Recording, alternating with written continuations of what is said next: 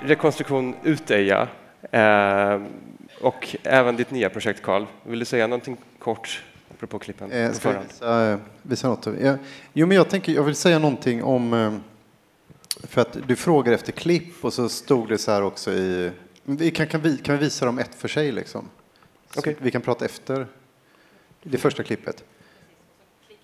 Ja, ja men för då ska jag säga, för jag, jag har valt ett klipp eh, som inte faktiskt är från rekonstruktion ute, för det kom inte med i klippningen, utan det klipptes bort. Liksom. Men, men jag tog med det för att det är nog det kanske som tydligast berättar om, eh, vad ska jag säga, den katalyserande kraften i en rekonstruktion. Eh, alltså hur metoden gör sig synlig i, i när man använder just den här metoden som jag har använt. Eh, och jag, jag skrev faktiskt upp, för att jag tänkte så här, men katalyserande ah, är ett sånt där ord jag använder ibland, men så skrev jag upp vad det, jag kollade vad det betyder. Och jag tänkte att jag bara ska läsa upp det. För det, det är alltså, en katalysator är om någon, något, någon eller något utlöser ett händelseförlopp utan att själv vara indragen där i eller förändras därav. Eh, och det tänker jag, när vi pratar om rekonstruktioner, så är det ganska mycket en katalyserande sak.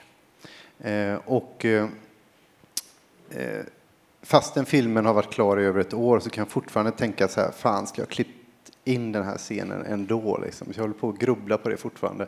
Men ni får se den, ni får inte säga till mig att jag borde ha klippt in den sen. Men vi tittar på den, men den är från klippbordet så det är tidskoder och sådär, det är inget ljusfixat och sådär. kör vi.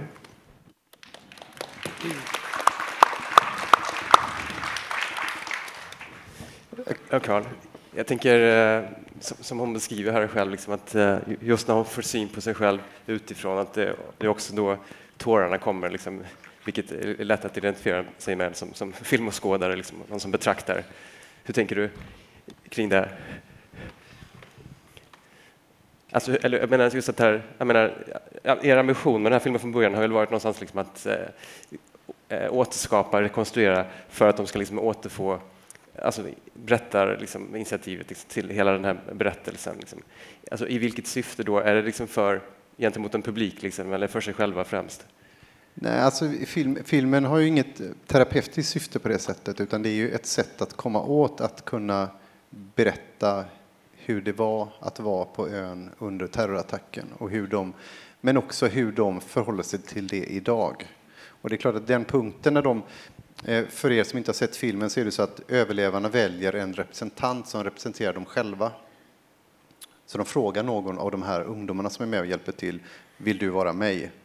Eh, och när den personen är det så kan den personen i sin tur fråga, vem var jag då 2011 och vad gjorde jag? Och så, och så bygger överlevaren själv upp de här scenerna.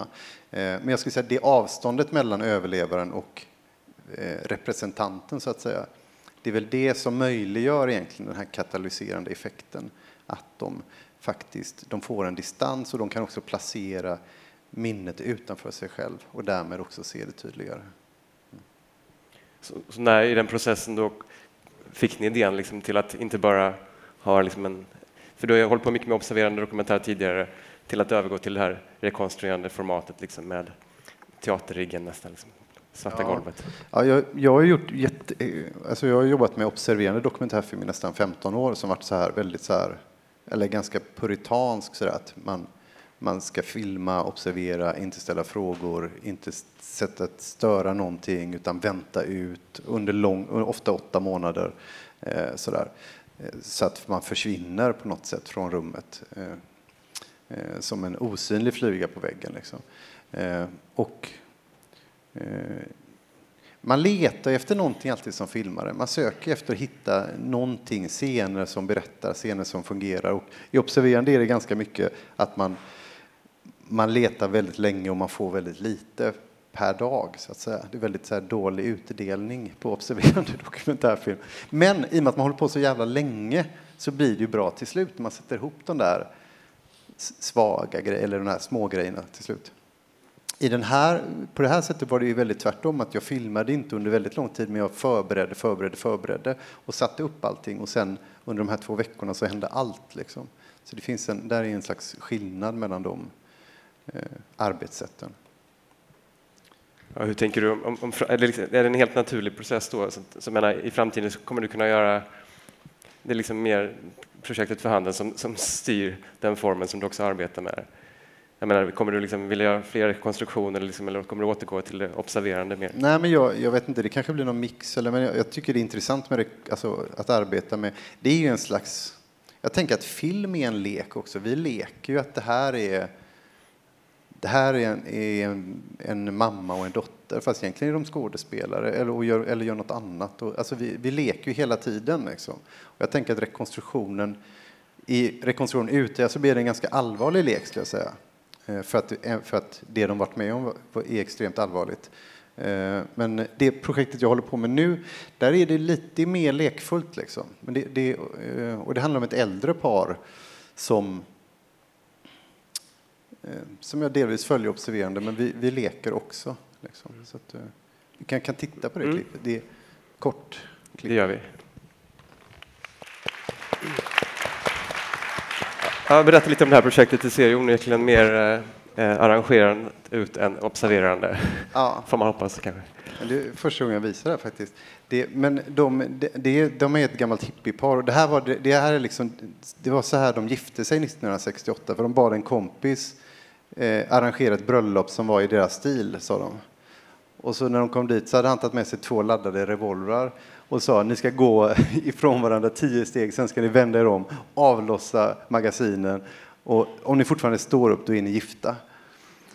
Så att vi liksom jobbar med deras minnen och, och hur man kommer ihåg saker och, eh, eh, och, och det händer, det är lite gulligt, de är nästan 80 år, plötsligt så gör de saker som de gjorde när de var 20 någonting. Så det, det, det, är, det är en lek med tiden också.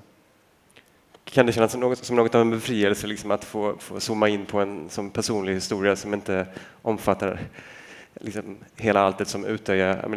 man måste känna ett väldigt stort ansvar när man gör den filmen, vilket jag vet att du har pratat om tidigare. Kan det vara lite befriande att få gå jo, till det lekfulla? Hippierörelsen kanske också var ett slags trauma i och för sig. Ja. Såklart.